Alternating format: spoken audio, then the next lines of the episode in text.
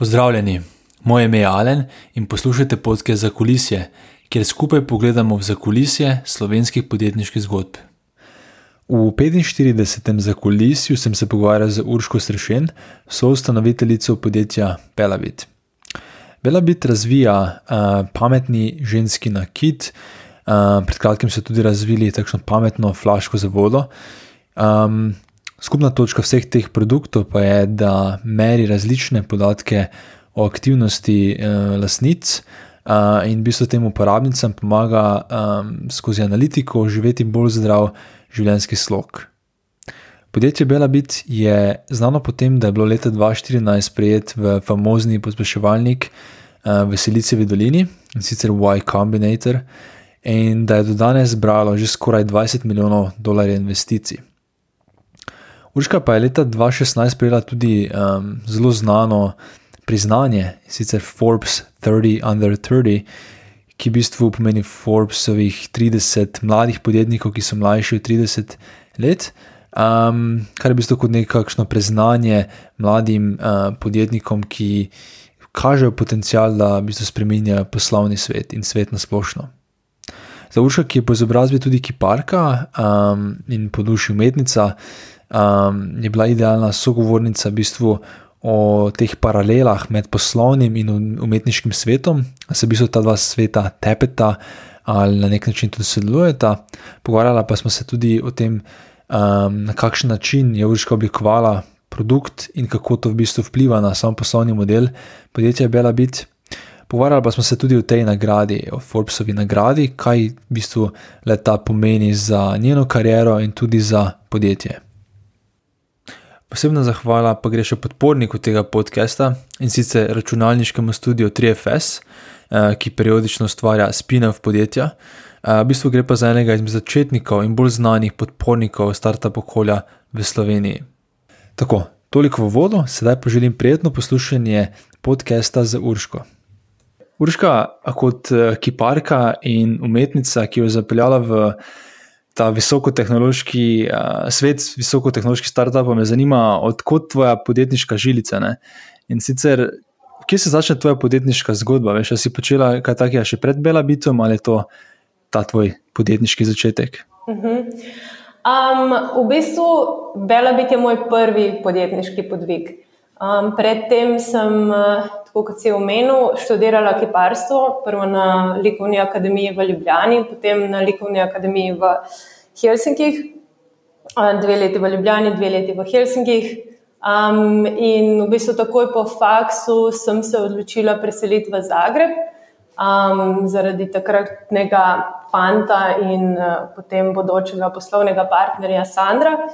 In uh, v bistvu začela sva bela biti praktično takoj po končanem študiju, oziroma jaz ga celo nisem končala um, ker so začela to, ko sem bila še absolventka, in potem se je vse skupaj zrolalo tako hitro, da nisem nekako uspela končati študija. Ampak v bistvu začela sva pa to zato, ker uh, niti on, niti jaz nismo imela jasne vizije, kaj po faksu početi.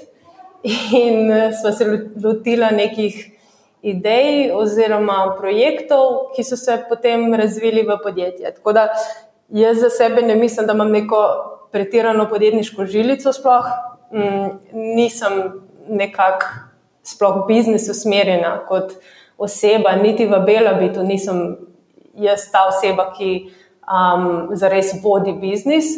Um, so me pa zmeri zanimale zelo različne stvari, zelo hitro se poglobim v neke ideje, ki me fascinirajo in nekako to je bila tudi moja pot v podjetniško življenje. Um, se pa mogoče ne bi to tako končal, če ne bi ob sebi imela poslovnega partnerja, ki je poslovno uh, naravnan. se pravi, mm -hmm. jaz sem nekako bila ta, ki idejo izvede, ki naredi izdelek, ki naredi dizajn in tako naprej. On je pa ta, ki um, osmisli vizijo. Mm -hmm. ti si bil torej bolj produktni človek. Tako, jaz sem produktni človek, on je pa podjetniški človek. Ej, samo mi je zanimivo, zdi se mi, da je bila ta kriza. Ne? uh, tam 2-9 naprej. Ja. Ful, v bistvu plus neki za, za te podjetniške zgodbe, ne? ker nas je dosta razmišljalo na tak način, ej, kaj bom jaz sploh delal ne? in pa pač si ja. moral nekaj svojega začeti. Um, ja, mogoče je bil to en tak dober puš, čeprav seveda ne moremo se slepiti, da je bilo. Da je, bilo, da, da je imel vsak te možnosti začeti nekaj svojega, ne? um, ker seveda tudi neka podpora v tem obdobju je pomembna. Ne? Mi dva smo imela ta luksus, da smo lahko vem, pol leta razmišljala, da smo se znajdla, pa potem smo imela tudi dosti velik sreče, da smo hitro začela s tem uh, generirati nek kapital. Ne? Če se to ne bi tako obrnilo, oziroma če ne bi imela to podporo, če bi mogla se vem, hitro zaposliti um, v neki službi, zato da preživiva v tem obdobju, je potem to veliko teže. Um, tako da, ampak um, v bistvu mogoče pri meni je bilo še to, da glede na to, da sem študirala umetnost, da sem študirala kiparstvo, v bistvu sem zmeri razmišljala na način, da se bom tako tako mogla na nek način sama znajti, dosti hitro.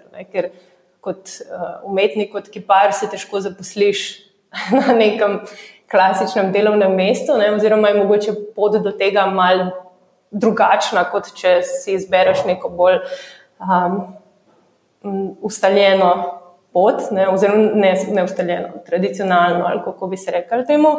Um, tako da v bistvu sem bila jaz že takoj, mislim, ko sem, konč, ko sem bila proti koncu faksa, sem bila v bistvu že v tem modu razmišljanja.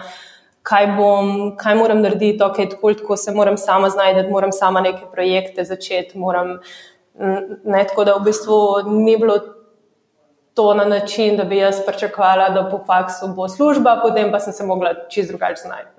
-hmm. Ampak kot rečemo, neko umetnico, ki si se znašla v tem poslovnem svetu, imam eno vprašanje. In sicer še v času, ko sem bil na fakulteti, sem vedno občutek, da kolegi, ki so bili bolj rečemo, umetniške duše, ne, so imeli pač veliki odpor do poslovnega sveta uh, iz različnih razlogov. In me zanima, um, če je to tudi nekaj, s čimer si se ti obadala, oziroma opazila moče pri kolegih. Ja, je. In v bistvu nekaj, kar, s čimer se jaz še zmeraj borim. Ne? V bistvu jaz ne bi počela bela biti, če bi mislila, da je to samo biznis, da je to samo za denar. Um, jaz vidim res en večji smisel v tem, kar počnemo. Verjamem v neko večjo vizijo, ki jo imamo, verjamem, da lahko z našimi izdelki, z našo tehnologijo, z našo vizijo pomagamo ljudem. In v bistvu to je to, kar me driva, ne? to je to, kar me zanima. Um, tako da v bistvu tudi v tem smislu nekako um, pušam celo firmo oziroma naše izdelke v tej smeri, da um, razmišljamo tudi o tem, kako uporabljati dizajn, da so naši izdelki bolj um, ekološko spremljivi, da v bistvu ne podpiramo ta pretiran konzumeristični pogled na svet in ta nek buyer's behavior, ne? ampak da v bistvu se res fokusiramo na, na vrednosti, ki jih lahko, vrednote, ki jih lahko um, pomagamo userju razumeti. No? Um, kaj imaš občutek, da se da na podjetništvo tudi gledati kot na neko umetnost? Kaj s tem mislim? Je, vem, ko gledam tudi ustvarjanje podjetij, na nek način se mi zdi, da skozi podjetništvo, pa ustvarjanje svojega podjetja, lahko na nek način tudi ustvariš neko skoraj umetniško delo s tem, kakšno podjetje je. Bi se strinjala s tem, razmišljaš kaj o tem v tej smeri? Ja, definitivno. Um, jaz mislim, da je proces ustvarjanja takšnega podjetja, kot je, predvsem podjetja, kot je Belabit, ki je a, v bistvu brand, ni samo podjetje, ni samo recimo podjetje v smislu, kot so podjetja B2B, res je brand, ne? ni samo uh, prodaja izdelka, ampak je um, vizualna identiteta, messaging, uh, vpliv na, na družbo. Uh, tako da v tem smislu je to dosti širok koncept. In, in v tem procesu jaz vidim veliko podobnosti um, v procesu dela, um, um, procesu dela, ki sem ga imela prej kot umetnica. Ne? V bistvu usmišljanje neke širše vizije, ideje in potem realizacija tega. Um, enak proces, oziroma zelo podoben proces je pri Belavitu. Mi imamo veliko vizijo, idejo, kako do tega prideti, in zdaj v bistvu delamo na realizaciji tega. Na, na, na, na, na vseh komponentah, ki nas peljejo do, te, um, do tega cilja. Mm -hmm. Pa čutiš, čutiš, da se kdaj ta dva aspekta, ta poslovni in umetniški, slash to, da želiš pač um, narediti neko spremembo v, v, v, pač pri ljudeh, ne? da se kdaj tepeta ta dva aspekta. Predvsem, ko se pogovarjaš z ljudmi, ki nimajo te, mogoče, tega umetniškega vidika ampak ki se ne ukvarja toliko s produktom, pa so dosti bolj v poslovnem. Uh mhm. -huh. Predvidevam, da to si videla, da bom kar postavil še pod vprašanje. Sicer me zanima, kako v, v tej situaciji, ne, ko v bistvu te nekdo skoraj da prosi, da kompromisiraš svojo tisto vizijo, ne, na kak uh mhm. -huh. način se probaš boriti proti tistemu, pa dati svoj nek ja. uh, argument, uh mhm. -huh. ne, tudi če je to na kratki rok mogoče boljše za biznis, verjamem v to. Mislim, da kak način se s temi stvarmi boriš? Um, ja, v bistvu tepe, da se velikrat, ampak um, smisel vsega je, da vedno probaš najti najboljšo pot in da nikoli ne pozabiš, kaj je ta večja ideja. Ne? Seveda, realnost je, da mi moramo um, ustvarjati uh, pač kapital, profit, ker, se, ker moramo na nek način preživeti, ne? da bi ustvarili to svojo vizijo um, in svojo idejo kako pomagati ljudem. Um, tako da tukaj zmeraj moraš malo razmišljati, kaj, pač kakšna je pot do tega, zakaj počneš to, kar počneš, in v tem biti uh, čim, bolj, um, čim bolj zvest um, svojim načelom. Um, mhm. da, mislim, jaz ne mislim, da ustvarjanje kapitala ali profita je uh, po defaultu slabo. Um, samo v, v tem procesu ne maram delati prevelikih kompromisov, uh, v smislu, da bi profit oziroma uh, kapital kreirala na način, um, oziroma z izdelki, v katere ne verjamem. Um, tako da v bistvu na ta način jaz razmišljam. No. Pomembno je, um, slediti svoji viziji in razumeti, kaj počneš, kako počneš, in v vsakem koraku se potruditi narediti najboljši. Hmm. Jaz sem zadnji čas kar dosti uh, razmišljal točno o tem ne, balansu med tem, da ustvariš neko poslovno zgodbo, ampak o tem, da res razmišljaš tudi o tem, pa rečemo tudi o umetniškem vidiku. No. Um, Pa me zanima, če si še ti mogoče našla kak primer takega podjetja, po katerem se zgleduješ, ki mu dejansko uspe najti neko pametno razmerje med tem, temi kapitalističnimi vzvodi, pa rečemo bolj altruistični, če smo čist ekstremna. Um, ne vem, meni je recimo zelo všeč v tem smislu laž. Um, zelo znan brand kozmetike. Um, oni v bistvu dosta delajo na tem, um, kako uh, narediti poslovno zgodbo, oziroma kako ustvariti poslovno zgodbo, ki hkrati podpira njihovo, um, kako bi se temu rekli, uh, uh, misijo za, za spremembo družbe, oziroma uh, načina, kako ljudje konzumirajo oziroma uporabljajo to kozmetiko in kako se ta kozmetika um, izdeluje, kako pridemo do njene. Tako da mislim, da so, oni so zelo lepo um, pokazali, kako se te neke um, vrednote dajo komponirati v zelo uspešno poslovno zgodbo, v zelo uspešen biznis. Kako pa se to pri vas mogoče potem manifestira? Mislim, kaj je ta vizija, ki jo, ki jo imate, in kako se potem ta misija, vizija, ki jo imate, uh, potem kaže v samem produktu, pa v poslu? Um, ja, naša vizija je, da s pomočjo tehnologije mi lahko ženskam pomagamo izboljšati njihov življenjski stil, da bi bile um, bolj zdrave, da bi bile bolj zdrave dlje.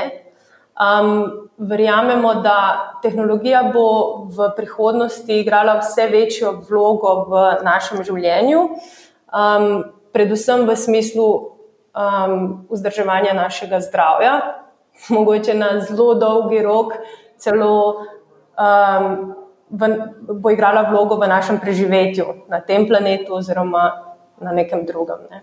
To je zdaj zelo, zelo, zelo dolgoročno, recimo, gledano, ali pa tudi ne. ne um, v glavnem, to je, na, to je naša ideja o tehnologiji. Z druge strani, mi mislimo, da te, tehnologija bo postala zmer bolj uporabna, oziroma bo, um, jo bo zmeri lažje ukomponirati v naš življenjski stil, če, uh, če um, hkrati delamo na dizajnu, se pravi, se potrudimo razmisliti o tem, kako je ta tehnologija oblikovana, kako se ukomponira v, v naš življenjski stil, v, naše, v naša oblačila, v predmete, ki jih uporabljamo, in tako naprej. Hkrati s tem verjamemo, da v bistvu z dizajnom lahko rešimo veliko stvari, veliko problematike, ki se pojavlja pri um, produciranju te, teh tehnoloških izdelkov, se pravi, kako so narejeni, kako so oblikovani, kako so vzdržljivi in tako naprej. Velik problem consumer technology um, danes je, da je to zelo potrošna roba. Um, zelo hitro menjamo telefone, smartwatcheve, um, različne gadžete, zato ker smo excited na tem hardveru. Firme pa v bistvu um, plasirajo nove modele vsako leto, skoraj. In nas v bistvu nagovorijo, da, da je vredno zamenjati um, star model z novim. Mm. Mi mislimo, da dizajn bo v tem igral veliko vlogo, da v bistvu lahko vplivamo oziroma spremenimo uporabniško razmišljanje. Če mi razmišljamo o dizajnu na način, da delamo iz tehnologijo, ki je vzdržljiva, ki se jo da um, dlje vzdrževati, ki, um, jo, ki, ki uporabnik dlje uporablja, ker je z njo zadovolj, zadovoljen, potem um, smo rešili že velik problem tega, ker tehnologijo bomo težko, um, nam bo težko rasla organically in our backyard. Um, tako da v bistvu mi nekako uh, razmišljamo zdaj o hardwareu, kot, oziroma o tej senzorski tehnologiji, kot samo, del, kot samo manjši del enega večjega um, experience koncepta tehnologije, um, katero poganja in naš software, oziroma um, z našim softverjem se, se um, um, zanašamo na neke druge um, izdelke, ki jih že tako ali tako uporabljamo, recimo telefon ali pa računalnik, um, da ustvarjamo v bistvu ekosistem, ki človeka navigira um, pri vzdrževanju boljšega zdravja. Um, s tem, da mi pomagamo ljudi, uh, ženskam do boljšega zdravja, mislim, da rešujemo dosti velik problem tega, da um, je zdravstveni sistem preobremenjen z uh, boleznimi, ki so precej um, preprečljive, če reguliramo svoj življenjski slog. Um, in preko tega v bistvu tudi ljudem pomagamo živeti dlje, bolj kvalitetno. Um, jaz mislim, da v tem okviru imamo še veliko stvari, ki jih moramo um, bolj točno definirati, kako do njih, um, kako točno bi jih želeli, da se manifestirajo. manifestirajo um, in v bistvu jih ukomponirati v ta naš mozaik um, vizije. Mhm. Dajmo, tam si vmes med tem odgovorom začela omenjati, da ima to imenovati vzdržljiva tehnologija. No? Razen če ima kako drugo ime, ki ga vi uporabljate. Govorila si o tem, da naredite produkte, ki dejansko dlje časa uh, ostanejo, delujejo in ne rabiš ga menjati vsako leto. Uh mhm. -huh. Če gremo na najno prejšnjo debato o tem podjetniškem proti umetniškem svetu, ne, se mi zdi, da se tudi kaže to, to malo, uh, ta, ta konflikt. Ne, ker verjetno, ko se pogovarjate z investitorji, njim je v interesu, da bi pač vsako leto predali.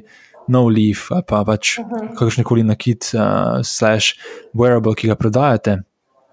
Zato me zanima, um, kakšna, kakšna je v bistvu potem ta ideja pri vas, torej, da boste prodajali bolj um, kvalitetne produkte, pa z višjo ceno, ali nekako drugače mislite ta cel poslovni model uh, izpeljati, da bo deloval? Um, ne, jaz mislim, da lih v tem je bil problem hardverskih podjetij pred par leti, ko v bistvu se je zgodila ta neka hardverska kriza. Je, da so se vsa ta podjetja preveč zanašala na kapital, ki je izviral iz samega hardvera, ne? iz samih gadgetov. Um, takrat, v bistvu, ko je hardver postal popularen, so investorji najbolj v bistvu, v bistvu bili um, um, zagreti za hardware, zato ker so hardverske firme generirale um, bolj privlačen kapital kot recimo neki, neki app, startupi, ne, ki velikrat tudi sploh niso imeli hard cash. Um, revenue stream, ne? ampak so imeli eh, njihova evaluacija, je temeljila recimo na uporabnikih ali tako naprej. Um, potem pa se je v bistvu izkazalo, da tudi to zanašanje samo na hardverski kapital je dost um, slippery ground, zato ker delati hardware je zelo uh, cash flow in uh, um, zakomplicirano, no? mislim, mhm. zelo težek cash flow sistem je. Um, proizvodnja ni enostavna. Uh, tudi v bistvu, če, če ljudje kupujejo veliko tvojih izdelkov, tehnologijo proizvajati, logistično jo, uh, jo um, šipati, imeti distribucijo, um, vzdrževati sales kanale, to ni lahko. Um, tako da v bistvu to rolanje novih izdelkov, um, hardverskih, ven se ni pokazal kot edini win način. Ne. V bistvu edini res zmagovalni način, ki se je do zdaj pokazal, je kombinacija softverja in hardverja, kjer v bistvu ti monetiziraš obe strani, ne. monetiziraš in hardver in softver. Um, tako da v bistvu veliko bolj zanesljiv revenue stream je, če imaš ti hardverski izdelek, ki ga ljudje radi uporabljajo, ki je zanesljiv, Um, in potem v bistvu preko softvera delaš drugačne, mislim, delaš druge načine monetizacije. Um, tako da mi trenutno še zmeraj imamo največji revenue stream iz hardverja, ampak v bistvu uh, zato smo tudi začeli delati restrukturo firme in tako naprej. Pač ugotovili smo, da moramo spremeniti naš uh, biznis model uh, dosti hitro. Da bi se prilagodili novi situaciji na, na tržišču. In v bistvu smo se naučili, no, da se moramo spremeniti, um, da, bi bili zdrava, da bi bili bolj zdravo podjetje in imeli bolj, um, boljšo prihodnost. No. Ful, ful, zanimivo. Torej, dejansko, če prav razumem, ta neki bolj zdravi poslovni model, če imaš strojno opremo oziroma hardware je, da kombiniraš v bistvu z softverom, da imaš potem prihodek z obeh strani. Uh mhm. -huh. In sicer, če, če zazemamo to kot izhodišče, če bi se danes še enkrat lotila začetka Bela Vita, ali bi že od začetka uh, probala oboje prodajati, ali je, ali je vseeno potrebna neka tranzicija, kjer na začetku prodajaš hardware, pa kasneje software. Zanima me, kakšen je rollout v tem primeru mhm. strategije. Zdaj, če se lotim novega hardvera delati, a se moram lotiti obojega naenkrat, kar je verjetno zelo intenzivno, ker potem rabim yeah. Ja. veščine z obeh strani, ne? moram znati narediti yeah. in ja. strojni in programski uh, izdelek. Ja, pač hardware je stuff, hardware je hard. Da, either way, kakorkoli obrneš, je hardware is hard. Um, Zdaj, težko je reči, kaj bi naredila, če bi začela z Belabitom še enkrat. Zato, ker Belabit, um, pač na Belabitu delamo že zadnjih pet let in v, v teh petih letih smo ogromno se naučili, ogromno stvari smo ugotovili, spremenili, prilagodili, šli levo, šli desno. Tako da v bistvu pot do tega, kjer smo zdaj, oziroma še kamor gremo naprej je dost kompleksna. Um, mi smo eden teh startupov, edino, ki imamo to srečo, oziroma smo nekaj naredili dobro, da smo preživeli tako dolg, da, da, da, da smo uspeli vedno nekako znavigirati um, do novih rešitev. Uh, ker v bistvu pač konci gre samo, ko, ko ti zmanjka denarja. um, Definitivno, če bi, če bi zdaj le začenjala s hardverjem, bi se fokusirala na, um, na celoten experience, oziroma na celotno uh, zgodbo, katere del je ta um, hardver. Um, ne bi več nikoli delala hardverja zaradi hardverja, tako kot smo um, 2014, ne, ko, se, v bistvu, ko je bil ta excitement nad nad e, nosljivo tehnologijo, ko je bilo v bistvu to, te gadgets so bili hot, ne. ljudje so zelo bili zintrigirani za te gadgete. Danes ljudje praktično zmer manj radi uporabljajo še en hardware. Um, že tako uporabljamo telefon, uporabljamo računalnik. Ne? V bistvu nočemo imeti še eno stvar, ki jo moramo polniti, nočemo imeti še eno stvar, ki se moramo spomniti, jo nositi s sabo, oziroma uh, jo nositi na sebi. Razen, če nam res temeljito ne um, spremeni življenje, oziroma nam res pomaga rešiti nek problem. Ne. Mhm. In v bistvu tukaj je ta cel catch, ne. ker hardware sam po sebi, uh, še posebej takšen senzorski, kot ga imamo mi, ne rešuje problem. Ne. Rešuje, rešuje problem. Um, ta interpretacija podatkov, ki jo mi lahko nudimo uporabniku uh, preko softvera. Um, tako da v tem smislu bi razmišljala. No. -hmm. um, definitivno bi razmišljala o um, širši sliki in um, več možnosti, um, uh, večjih kanalih revenue streama. Zamenjala si to prestrukturiranje. Ne? Po mojem, se lahko tu ravno dosti naučimo tega, na kak način je treba a, podjetje mogoče nastaviti za tak tip poslovnega modela. Um, uh -huh. Lahko mogoče opišeš, kakšno je bilo podjetje pred, v smislu, um, kaj je bila tudi vizija, veš, kaj ste vi mislili, da je vaš produkt, in uh -huh. potem uh, na podlagi tega, kakšni ljudje so bili zaposleni, kakšni uh -huh. so bili procesi, in zdaj, verjetno po spremembi tega mindseta, ko se v bistvu vidite bolj kot uh, hibrid med hardverom in softverom, kako zdaj izgleda uh, podjetje? Um, ja, v bistvu pre, uh, predtem smo se še dost iskali.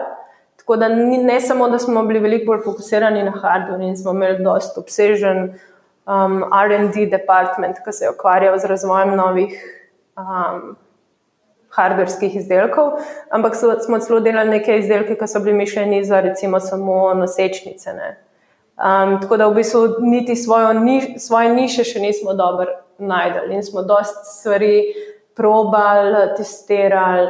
Um, hkrati smo vse delali smo tudi na par, aplika, na par um, različnih aplikacijah, um, ki smo jih tudi testirali, testirali različne softverske izdelke.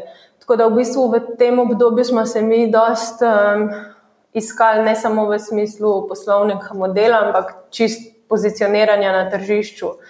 Um, tako da, potem, ko smo ugotovili neke um, glavne stvari, ko se je zgodila ta kriza, smo v bistvu dosti hitro se mogli obrniti, da se restrukturiramo tako, uh, da v bistvu, ko gremo naprej. Um, Smo fokusirani, smo veliko bolj fokusirani. Ne? Tako bi se rekli, da stavimo na, en, na eno stvar, ne več na deset stvari. Ne? Um, tako da zato se je zgodila ta, uh, ta v bistvu zato se je zgodil ta restrukturni um, plan.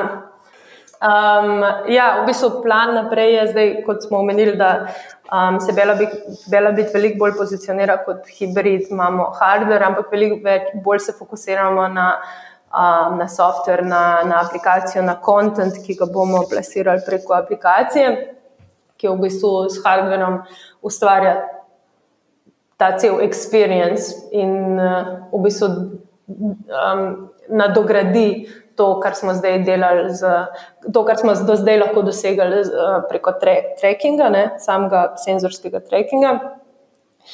Um, tako da v bistvu v smislu tima um, smo veliko bolj usmerjeni na ta content creation, um, ki se nekako preliva potem tudi v marketing.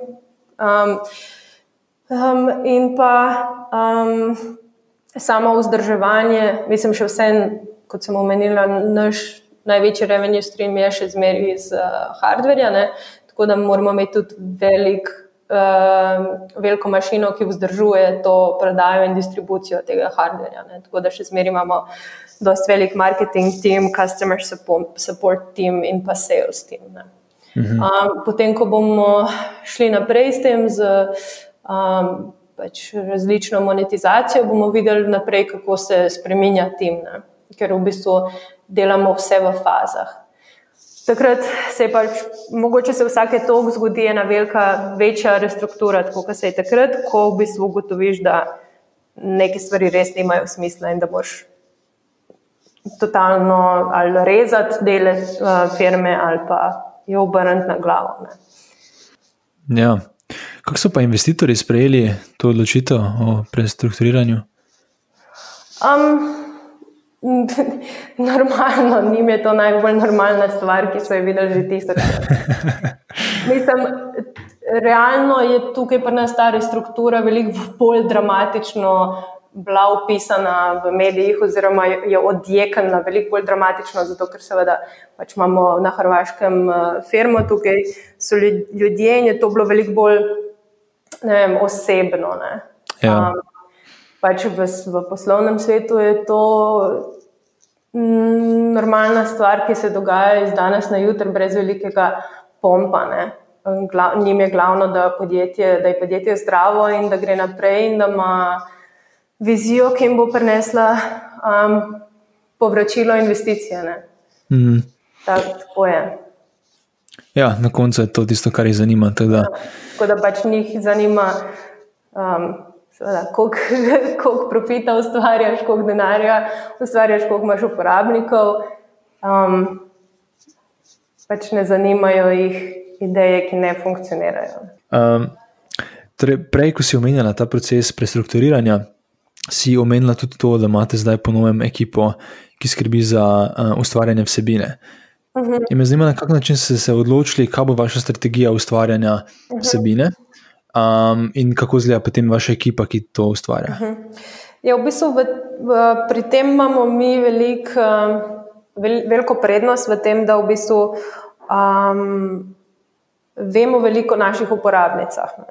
Um, predvsem zato, ker imamo veliko um, bazo podatkov. Um, se pravi, naše uporabnice, že, mislim, naši izdelki so že štiri leta na, na tržišču. Ne? Tako da v bistvu smo se v tem obdobju zelo veliko naučili o tem, kdo je naša uporabnica, s čim se ukvarja. Um, se pravi, to ne pomeni, da mi um, špioniramo nad ljudmi oziroma karkoli, ampak imamo bazo podatkov, ki nam uh, v bistvu uh, pove veliko o eni, um, eni povprečni uporabnici naši. Uh, se pravi, mhm. lahko iz nje potegnemo profil naše uporabnice. Na podlagi tega v bistvu zelo dobro vemo, kakšen kontent njo zanima. Um, in v smislu marketinga, se pravi, s čim jo uh, pripriča, da verjame v naš brand, in pa tudi v smislu izdelka, ne, kakšne izdelke si želi, kako ji lahko pomagamo, kakšne feature um, um, bi rada, da razvijemo v aplikaciji, oziroma kaj bi jo lahko zanimalo. Um, isto tako za kontent, kakšen kontent ji lahko ponudimo v aplikaciji, da ji um, pomagamo, da, da jo podpiramo v, na njeni, kako mi to imenujemo, wellness journey. Um, tako da v bistvu v tem smislu podatki so zelo pomembna in um, pomembna stvar, in v bistvu trenutno najbolj vredna stvar. Ne. Mi imamo svoje podatke na, uh, na, um, na Facebooku, na Instagramu in tako naprej. Um, in pač te, te firme prodajajo te podatke um, podjetjem, ki, oglaš, ki oglašujejo. Ne. Mi pa v bistvu smo lastniki svojih podatkov um, in na podlagi tega lahko kreiramo um, nove izdelke in nov kontent. -hmm. Da lahko mogoče deliti z nami en primer tega um, customer insighta, torej kaj ste se naučili iz teh podatkov in kako potem to vpliva na vsebino, ki jo ustvarjate. Ker zadnji čas se lahko dosti slišiš o tem, da ja, moraš poznati svojo stranko in potem, če jo poznaš, boš točno vedel, kak produkt narediti, kaj ponuditi, kaj napisati in podobno. Uh mhm. -huh. Ampak redko kdo pa potem ti pove, um, da pa ti da konkreten primer, da si potem lažje predstavljamo, kako se to naredi. Máš ti mogoče kaj, um, kar bi lahko delila z nami? Um, ja, v bistvu pač zanimivo je to, da Vsa podjetja morajo poznati svojo stranko. Ne? In vsa podjetja se zavedajo tega, da je velika razlika med tem, kaj stranka reče, da želi, oziroma kaj misli, da želi, in kakšna misel da je, pa v bistvu kakšna res je. Um, kaj res želi. Tako da v bistvu, še posebej, če imaš za to um, pač hardcore podatke, ki pač pokažejo dejansko sliko, potem res točno veš, uh, so, kakšne so tvoje stranke. Um, in predvsem je zanimivo, koliko ljudi res slabo poznajo sebe, oziroma niso. Um, Niso res, um, ne, zava, ne zavedajo se popolnoma niti svojih dejanj, niti svojega potencijala. Um, tako da v bistvu mi, um, ko ustvarjamo kontent, res poskušamo um, odkleniti ta nek potencijal, ki jih naše uporabnice um, skrivajo, oziroma ki ga skrivajo, oziroma sploh niso, se ne zavedajo, da ga imajo. Če, če, če, če je to razumljivo. Je, a to pomeni, naprimer, da iščete takšne podatke, ki potem so na nek način v nasprotju s tem, kar slišite od strank, da govorijo, in potem v bistvu probate jih izobraziti o tem, da hej, vi mislite, da v bistvu pijete dovolj vode, v bistvu pa ne na ja. to smer gremo, ali kaj ja. drugega? Ja, v bistvu veliko ljudi misli, da, velik, da eh, mislim, večina ljudi misli, da dela stvari čisto redo, ne? ampak rezultati to pokažejo, eh, pač rezultati pa. Um, pokažejo nekaj totalno nasprotnega. Ne. Vsi mislimo, mhm. da jemo, jemo zdravo, pa da se čist dovolj gibljemo, pa kile nam pa rastejo. Um, pa, pa se v bistvu nikakor ne moremo, ne mo, mislim, ne moremo verjeti, kako, kako je zdaj to tako. Um, tako da, v bistvu, če pa ti mi pokažemo točno tvoje podatke, ti lahko pokažemo realno sliko, pogled, to je tako. Um, hkrati imamo pa v bistvu um, možnost, da preko konta oziroma dodatnih funkcionalnosti ti pokažemo, kako izboljšati trenutno stanje, ne? kako postati boljša v nečem. Um, tudi v bistvu ti pokažemo neke aspekte, tvo, aspekte tvojega zdravja, katerih, katerih se mogoče zelo malo zavedamo, kot je recimo um, zdravje našega uma. Ne. Zelo malo v bistvu razmišljamo o tem, um, kako uh, vplivati na, zdrav, na zdravje našega uma, kako trenirati naš um in kako zdravje našega uma vpliva na naše fizično zdravje. Ne. Tako da v bistvu tukaj mi imamo veliko um, možnosti, kako uporabnicam predstaviti to problematiko oziroma ta nov aspekt njihovega zdravja in jih pomagamo navigirati um, v, skrbi, um, um, v skrbi za to zdravje. Aha, in kakšne podatke pa imate o tem, torej o, o zdravju uma?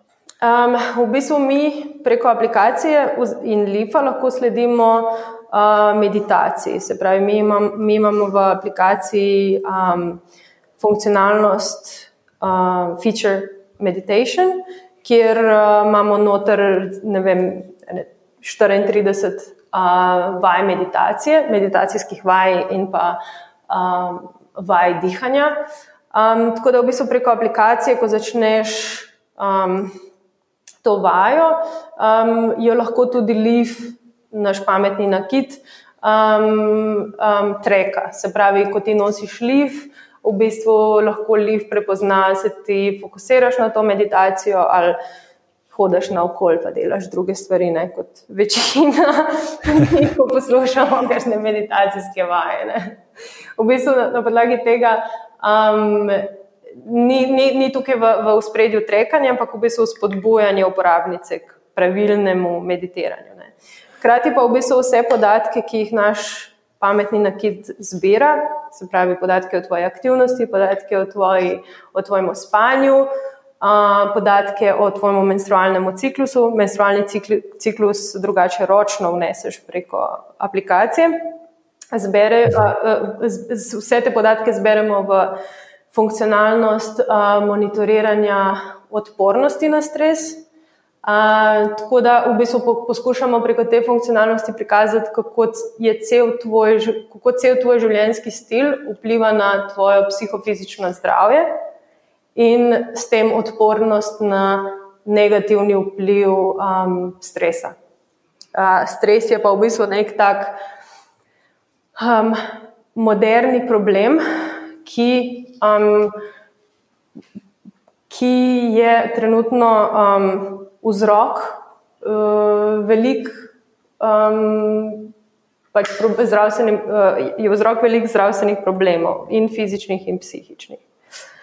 Um, z novimi izdelki, ki jih trenutno uh, razvijamo, se bomo v bistvu še bolj posvetili in analizi spanja, in uh, analizi medit same meditacije um, in stresa, da bi v bistvu še bolj se poglobili v analizi.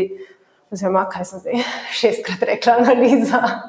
V bistvu zelo, zelo me zanima, kako lahko res a, preko tehnologije analiziramo um, tvoje zdravje uma in ti mhm. pač pomagamo um, v vzdrževanju optimalnega zdravja, kako bi se temu rekel. Um, glede na to, da si zdaj tukaj, dansko smo šli kar globoko v to zdravje in zdaj bi se razumel dansko, da je to tisti vaš glavni produkt. Zato me zanima, na kak način tudi pridete do teh hm, v bistvu nekih podatkov, oziroma. Ali vam kdo pomaga, kar se tiče samega tega um, zdravstvenega aspekta? Imate prav zaposlenega doktora ali na kak način se v bistvu lotiš ideje, kjer je to, kar želiš prodajati, to v bistvu vezano na samo neko um, zdravje posameznika in njegove um, podatke? Ja. Um, v bistvu trenutno na tem nivoju, ki smo zdaj, se dosta ukvarjamo, z, se zdravjem ukvarjamo praktično z aspekta življenjskega stila. Tako da tukaj mi ne gremo pregloboko um, v bistvu sploh ne gremo v recimo diagnostiko ali pa v zdravljenje. Um, v bistvu preko analize in regulacije življenjskega stila smo, poskušamo biti del neke uh, preventivne nege. Ne.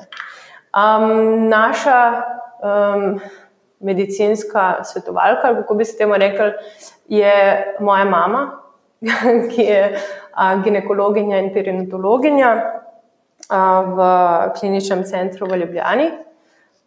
Z njo delamo, sodelujemo, oziroma je del naše zgodbe, od samega začetka, pre-Bela bit, ampak predvsem tekom Bela bita.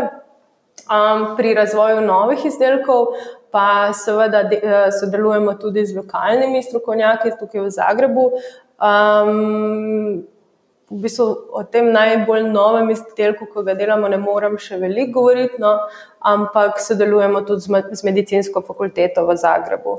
Um, to je ta izdelek, s, katero, s katerim se bomo bolj poglobili v analizo um, stresa in spanja. Mm. Je zanimivo, da se to glede mama menila, ker se mi zdi to res taki pomemben detajl, ne?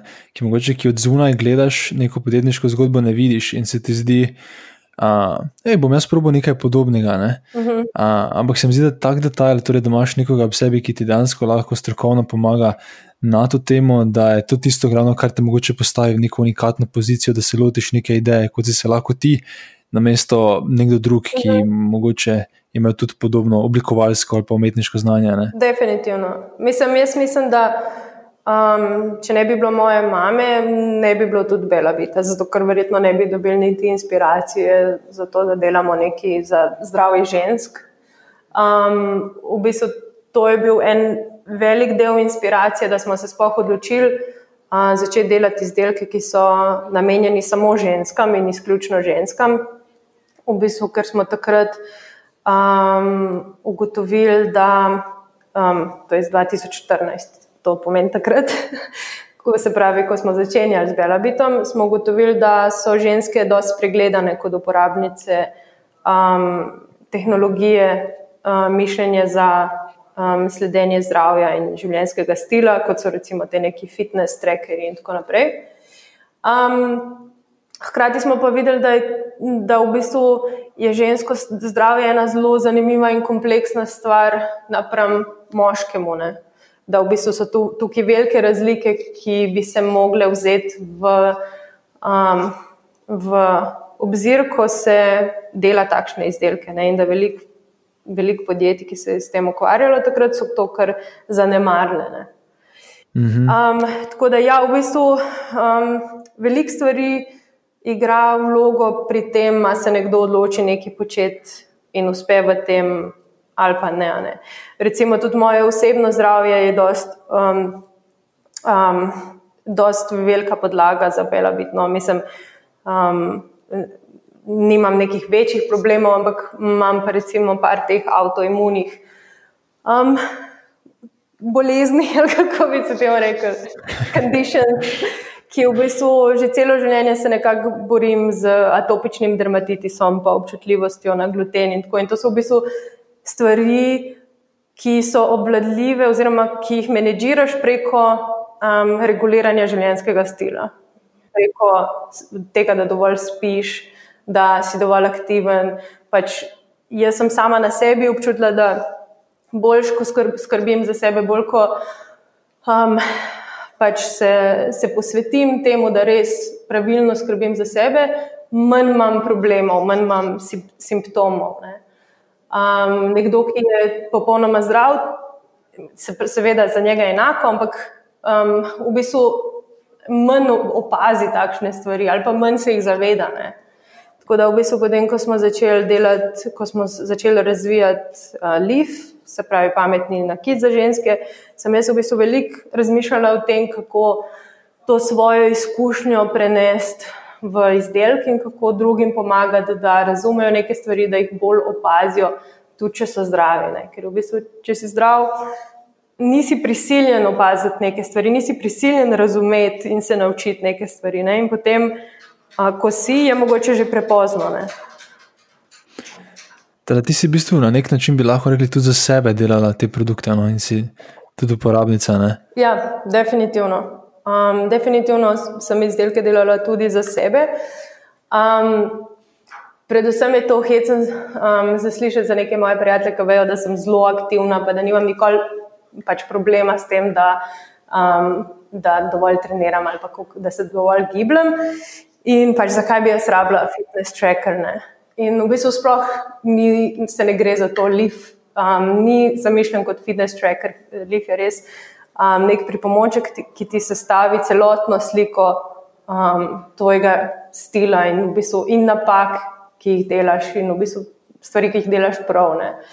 Um, tako da v tem aspektu in lif in spring naša pametna flaška, sta mi v bistvu pomagala zregulirati um, neke stvari, s katerimi sem imela uh, težave, recimo hidracija.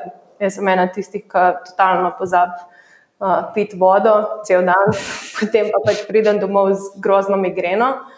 Um, tako da v bistvu s springom sem to uspela regulirati, in pa um, spanje je ena stvar, s katero um, imam jaz velik problem in veliko podjetnikov, verjetno tudi. Ne. Mislim, težko je odnehati delati zvečer, pa potem, ko greš spat, celo noč razmišljaš o tem, kaj moraš še narediti. Ja, še predvsem, če delaš tik pred, tik pred spanjem. Ja. Um, ampak kak je pa imaš? ja. Um, Kakšne pa imaš spalne navade, ki hodiš ful pozno spat, pa se zgodaj moraš zbuditi? Ne, ne. V bistvu ne več. Ko sem bila mlajša, preden sem naredila lift, sem spala res grozen. Delala sem, ne vem, tudi sem znala delati all-nighterje, šla sem spat, ne vem, totalno zmedeno ob enih, ob dveh, pa se pa zbudila včasih ob osmih, včasih ob dvanajstih. Tota, mislim, da večina mladih ljudi ima ta isti problem. Um, hkrati sem bila potem zelo velikrat uh, bolna, slabo sem se počutila, pač občutljiva na, na vse, ne? in uh, fizično, in psihično. Um, zdaj pa v bistvu zelo regulirano, grem spat ob najkasneje ob 12, če res moram, ampak praviloma ob 11, um, pa se zbudimo ob 7. Tako da, good old. Eight hours. good old eight hours. Um, ampak, v bistvu, zdaj, zdaj pa, če gremo pogledati ta produkt. Ne.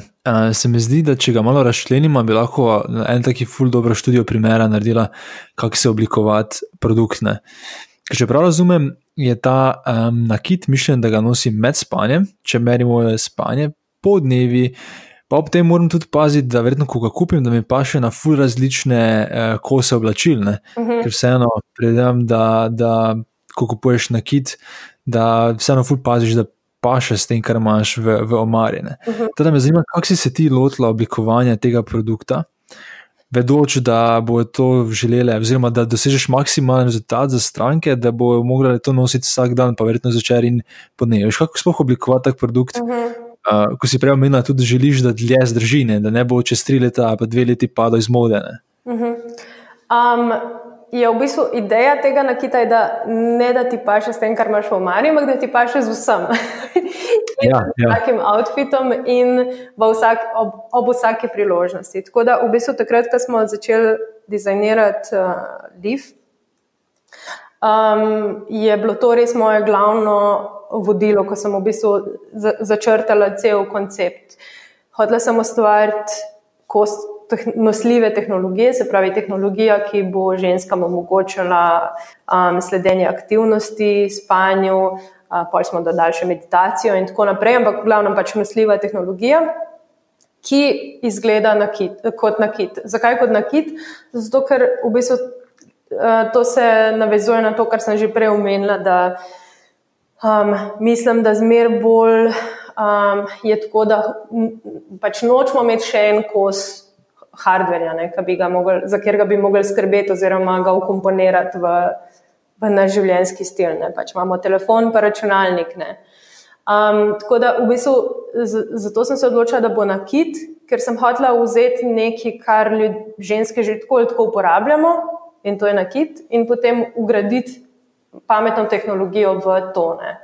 Se pravi, mo, moj prvi kriterij je bil, da oblikujem kos na kita, ki bo ženskam toliko všeč, da bi ga rade uporabljali, tudi če pač ne bi bil pameten. Ne. Um, hkrati pa ta nakit biti, je mogel biti praktičen v različnih situacijah, um, v katerih pa ženske sledijo svojemu zdravju, in to je spanje um, preko dneva, se pravi v ofisu, uh, z otroci, uh, doma. Um, in pa potem med treningom, ne, tudi v Džimu ali v zuniji na teku, in tako naprej. Tako da potem sem prišla na eno idejo, da naredimo um, tako, da bo ta nakit možno nositi na več različnih načinov, pa kombinirati z različnimi um, dodatki. Um, zato smo dizajnirali ta klip, ki je v bistvu hkrati uh, nastavek, na katerega se um, zatakne zapestnica ali pa ogrlica. Tako da liv se da nositi kot zapestnico, kot ogrlico ali pa kot uh, klip na obleki. Um, tako da na ta način smo v bistvu dosegli res en ta uh, komat pametne, uh, pametne tehnologije, ki je zelo um, versatile, oziroma zelo se ga da dobro komponirati v različne stvari. Pri, sa, pri samem dizajnu smo se pa pač res držali nekih, neke pač estetike, ki ni. Um, ki je hkrati upadljiva, pa ni.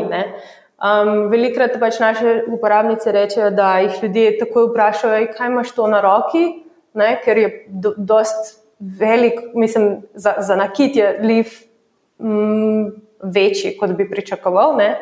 in ga ljudje opazijo, hkrati pa ni tako upadljiv, da bi, um, da bi pač se tepel z neko modno kombinacijo. Dost je subtilen, eleganten dizajn. Um, zato smo se tudi odločili, ta, da bo klip narejen iz um, nerjavečega jekla, ki je dost neutralen uh, material, uh, pri katerem se da uh, doseči ta um, hoh. Šajne, visoki, mhm. visoki CI. um, hkrati pa je dovolj vzdržljiv, da, da, da je pač mehanično uh, mehanično vzdržljiv, da drži kot klip, ne, da, se ne, da, se ne, da se ne uniči, da, da se ne zvije. In tako naprej. Um, tako da v bistvu uh, dizajniranje lifa je en moj najlepših spominov, no, ker je res um, bilo dosti kompleksno. Um, hkrati pa mislim, da smo dosti stvari, ki smo si jih začrtali takrat, uspeli uresničiti. To pa vidim zaradi po feedbacku, ki ga dobimo od uporabnic. In to je pač, da jim je liv um, všeč vizualno, ne? hkrati pa da ga je udobno nositi. Um, ne vem, se, se nam je že zgodilo, da kašne um, naše uporabnice, mogoče še zelo kakšne starejše, pač sploh ga ne uporabljajo več toliko kot, kot tracker, ga ne spojijo z aplikacijo, sploh, ampak ga nosijo, ker jim je to všeč. Recimo, da so to bile za kakšno za darilo ali tako. Pač tudi to sem slišala. Um, tako da v bistvu, če smo, če smo to zadovoljili, pač ta prvi kriterij estetike, smo že veliko dosegli v smislu, kakšen je drugačen dizajn tehnologije. Ne. Ja. Um, hkrati smo pa potem imeli to širšo vizijo, da nočemo se ustaviti pri enem izdelku, ampak hočemo imeti ekosistem izdelkov. In potem, ko smo šli dizajnirati Spring, smo se spet držali istih pravil. In to je, da spet smo si zamislili um, pač ta nek predmet, ki ga ljudje že tako ali tako uporabljajo, in to je flaška, ne, prenosna flaška.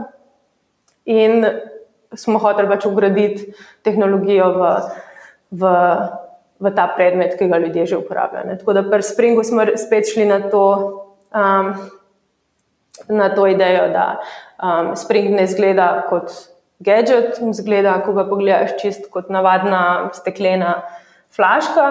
Tehnologija pa je spet tako skrita ne, um, v, v podstavku, tako da se sploh ne zavedaš, ko uporabljaš to flaško, da, da je to tracker. Ne, ne rabiš, v bistvu, tudi zaradi tega, ker naši izdelki se ne rabijo polniti, ampak imajo, um, delajo na, na, um, na baterijo, ki je, kako se temu reče, zamenljiva baterija.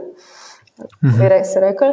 Um, se pravi, naše izdelke ne rabiš polniti, in um, ko uporabljaš naše izdelke v tem smislu, ne razmišljaš v vsakem trenutku, da je to tehnologija, ne? ker uh, ni niti ekrana, niti ne rabiš se spomniti, ni potrebno, da se spomniš jih, da dol, da jih polniš. Um, so res potem kot navaden nakit ali kot navadna flaška, in ko, rabe, ko bi rad pristopil k podatkom, odpreš telefon in podatki so tam. Ne? Tako da v bistvu v tem smislu. Um, pri naših, je pri naših izdelkih dizajn, bi se rekel, celo glavna komponenta mhm. inovacije. Ja, pa, pa gledaj, koliko odločitev je šlo v to eno stvar. Ne? Od te, ali bo zamenljiva baterija, ali se bo polno, ali bo ekran, ne bo ekrana, kakšen bo material. Um, res, mislim, tu se vidi, res, kako oblikuješ en kvaliteten produkt. Pa, ko se vprašaš ta vprašanja, kako je kompleksno se to spraviti v eno celoto, ki deluje. Um, zanima me, če je mogoče v tej fazi, ko si uh, oblikovala, pa verjetno tudi testirala, če je bila kakšna zadeva, ki te je presenetila v samem testiranju in kar si potem mogoče naredila drugače, kot si prvotno zamislila. Ja, v bistvu. Um, zdaj sem se spomnila, da um, ja, ogromno, ogromno odločitev gre v, v en tak uh, koncept, oziroma v dizajniranje takšnega izdelka, ampak potem ko ti že vse dizajniraš, potem te pa v bistvu udari ta realnost proizvodnje. Potem se potem vse zruši. Um, ampak um, pač šalo na stran, ko smo začeli z, z Leafom in ko smo dizajnirali Leaf, je, pač smo imeli ta koncept in vse to smo se zavestno odločili, da hočemo imeti takšen dizajn in tako naprej, ampak sama struktura, sama mehanika je bila dosti bolj, uh, dosti bolj kompleksno zamišljena. Ampak potem, v bistvu, mi smo takrat um, sami, um, mi imamo svoj, svoj supply chain, sami smo ga um, zgradili. Um, bi se temu rekli. No? Um, in tako je bilo v bistvu od začetka, in to se je začelo tako, da smo šli pač na Kitajsko, in iskali um, pač manufacturerje, manufak uh, contract manufacturerje. Um, uh mhm. -huh. In pa pač supplierje posameznih komponent. Se pravi, mi smo dejansko najdel vse supplierje sami, supplierje za, uh, za um, pač ta metal clip, za housing, za um, silikon, vse smo sami najdel. In v tem procesu, v bistvu, ko smo imeli ta svoj dizajn, s katerim smo prišli k tem manufacturerjem, um, se je to totalno obrnilo na glavo. Ne? Ker ko smo začeli, nismo imeli znanja, kaj, v bistvu, kaj pomeni design for manufacturing. Uh, mehanika je bila načr, na, pač narisana na papirju, ali v, v Illustratorju, ali v Photoshopu, pač čisto ukvirno, um, tolerance, kaj je to. Um, in tako naprej. Um, tako da, v bistvu, potem, ko smo šli s tem dizajnom v, na Kitajsko, od supplierja do supplierja, se je ta dizajn totalno v bistvu spremenil in oklestil v to, kar je zdaj. Ne. Uh, tako da v bistvu na licu mesta tam smo risali z supplierji um, pač finalne dizajne in pri, prilagodili vse detajle, tako da se je na, na koncu ta liv um, dal sestaviti. um, tako da v bistvu pri Springu smo pa imeli že malo več znanja, pa malo več izkušenj. Pa imeli smo celo mehaničnega inženirja, da je delal na njemu. Um, tako da je bilo to potem že veliko lažje. Ampak uh, ja, v, v dizajnu enega izdelka gre, v bistvu, iz, mislim, zelo je kompleksno dizajnirati en ta izdelek. Moš si zelo zamisliti v bistvu to uporabniško izkušnjo, um, kaj hočeš od tega izdelka, kako se ukomponira ta izdelek v to večjo tvojo vizijo podjetja in tako naprej. Potem pa v bistvu moraš um, se soočiti s to realnostjo, um, manufacturinga. Ne. Oziroma, veliko boljše je, če jo poznaš že vnaprej, če se najprej pozna, pač posvetiš temu delu, ne, kako se bo ta izdelek dejansko um, izdelal. Zato, ker na koncu dneva. V bistvu to zelo vpliva tudi na tvoj poslovni model, ker um, kako se bo izdelek naredil, kako se bo pakiral, kako se bo šipal, kako bo distribuiran, kako ga bodo ljudje lahko vzdrževali, ali bo generiral dodaten revenue preko recimo dodatkov in tako naprej. To so vse stvari, ki so stvari dizajna, ja. ki jih moraš vzeti v obzir naprej. Tako da v tem smislu jaz mislim, da smo imeli mi več sreče kot znanja takrat, ko smo začenjali um, da je ta izdelek izpadel tako, kot je, da pač smo uspeli z njim doseči to, kar smo hoteli, hkrati pa v bistvu čisto po nesreči smo dosegli še to modularnost, uh, ki omogoča, da uh, se naliv da um, uh, na takrat različne. Um, za pestence, ali pa celo zamen, da se zamenja ta metalni uh, klip, tako da v bistvu ga lahko totalno spremeniš, ali pa um, zelo lahko ga je vzdrževati, no, ko se ti recimo upraska klip ali pa uniči, uh, lahko samo to komponento zamenjaš, ne rabiš cel izdelek kupiti. Um, tako da v bistvu to je zelo vplivalo potem na naš kasnejši poslovni model. um, in v bistvu tukaj smo imeli dosti sreče. No. Pri Springu smo to načrtno naredili, da je, da je Spring um, prav tako kot lif modularen, da se ga da uh, totalno razstaviti, da se ga da upreti v, v mašini in da tudi, če se ti razbije steklo, lahko samo steklo zamenjaš, ne celo flaško ne, in tako naprej. Ok. Zdaj, zdaj, če poslušam to pozorno, se mi zdi, da je dobra ideja za nekoga, ki mogoče ima uh, idejo za fizični produkt, da še v fazi oblikovanja produkta že mogoče gre na Kitajsko ali pa pač kamorkoli, oziroma kjerkoli so ti proizvajalci tega produkta, da z njimi skupaj mogoče ugotovi, kaj je sploh izvedljivo. Ne? Ja, jaz mislim, da pač, če ima nekdo željo oblikovati fizični produkt, ja, je pomembno. Um, pomembno je veliko vedeti o temu, kako se bo ta izdelek naredil, dejansko v manufacturingu. Um, mogoče zdaj ne rabiš več iti prav na Kitajsko, no, ampak predvsem najdete strokovnjake, ki se s tem ukvarjajo, ki se ukvarjajo z design for manufacturing. Ampak uh, predvsem je pomembno, preden se odločiš, uh, kako oblikovati ta, ta, uh, ta izdelek, da razmisliš o tem, kako bo ta izdelek res uh, vplival na tvoj poslovni model in kako hočeš, da je dizajn sestavljen. Šele potem razmišljaš o, o tem, kar večina ljudi misli, da je dizajn, ne estetika. Ja, ne, to se pa ful strinjam. V bistvu vsaka ta odločitev glede produkta na koncu ima lahko res veliki vpliv na, na poslovni model, pa tudi na ceno, ki jo dosežeš. Ne? Ja, ja, v bistvu mislim, predvsem ima vpliv na poslovni model. Ja. Mislim, v prvi, uh, se, se pravi, seveda na prvo, um, mora biti izdelek všeč ljudem. Ne? Kako bo izdelek percipiran na tržišču, je zelo pomembno. Ampak potem pa vse naprej, v bistvu od tega, kako se ga izdela, do tega, kako a, se ga pakira, koliko je težek, um, kakšni materiali so, koliko so dostopni ti materiali, ki jih hočeš. Um, ja, in kako se njihove cene tudi spremenjajo ja, skozi čas. Um, ja.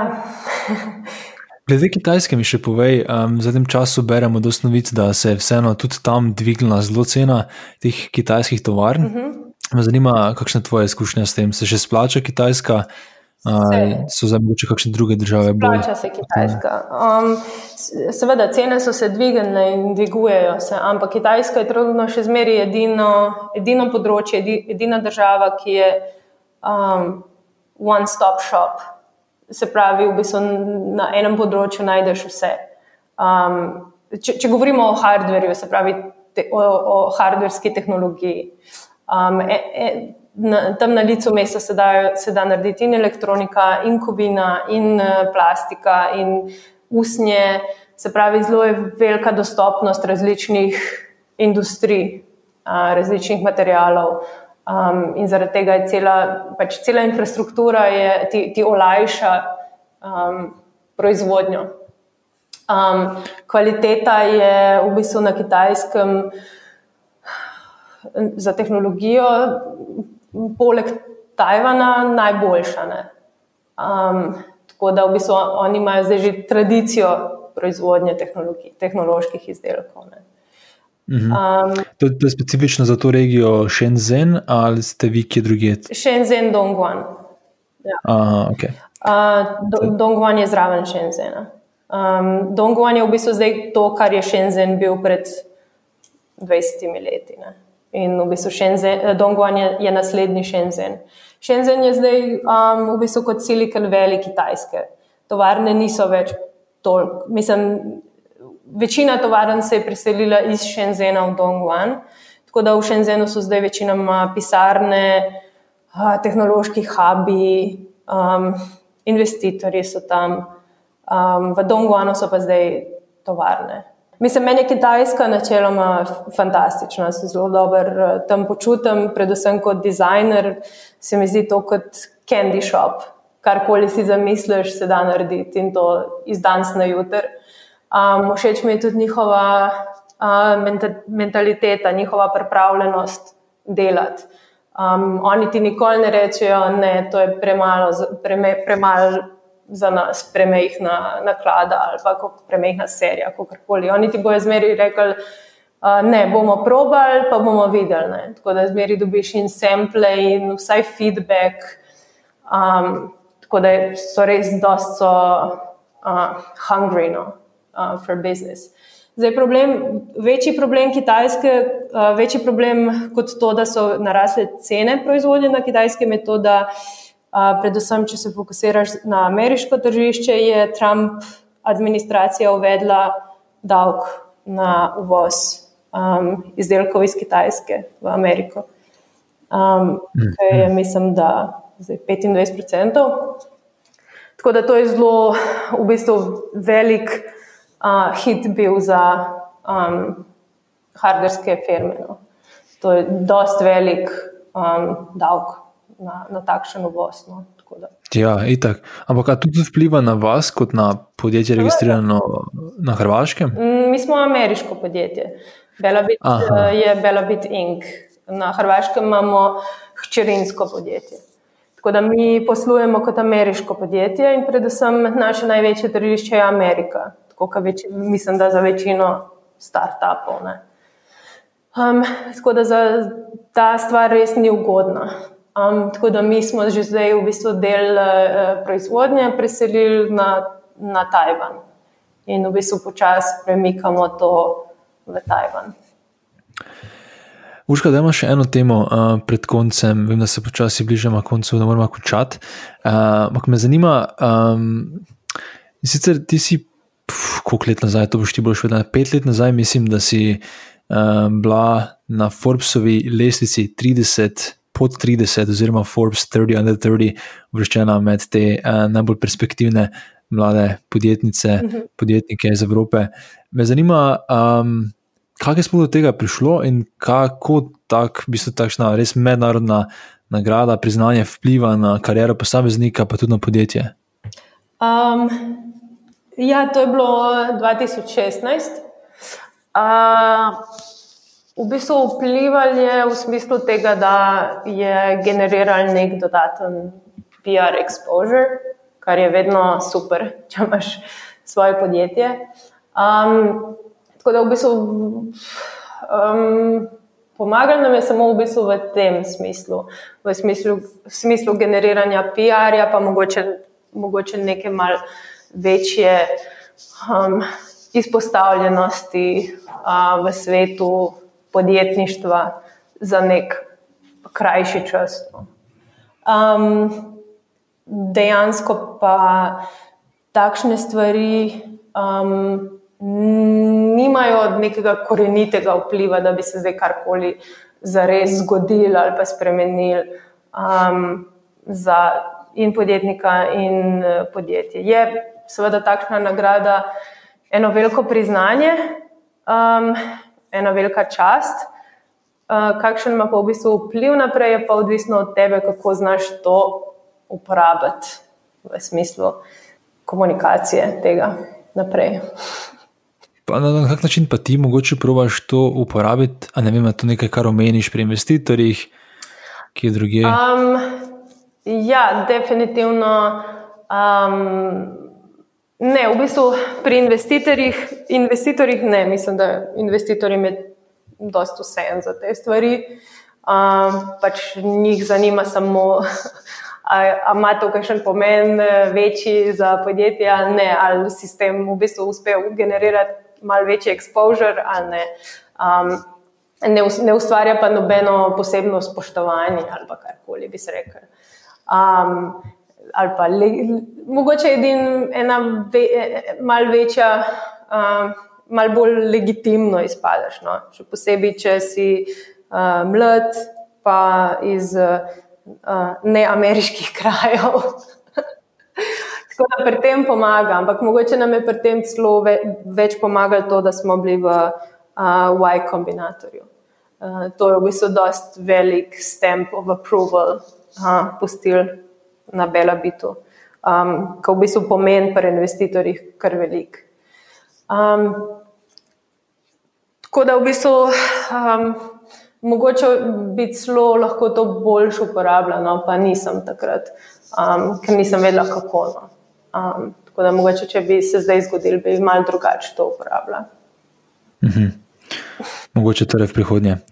ja, zdaj se bo že končal, zdaj bom letos bom 30, tako da ne bo naslednje priložnosti.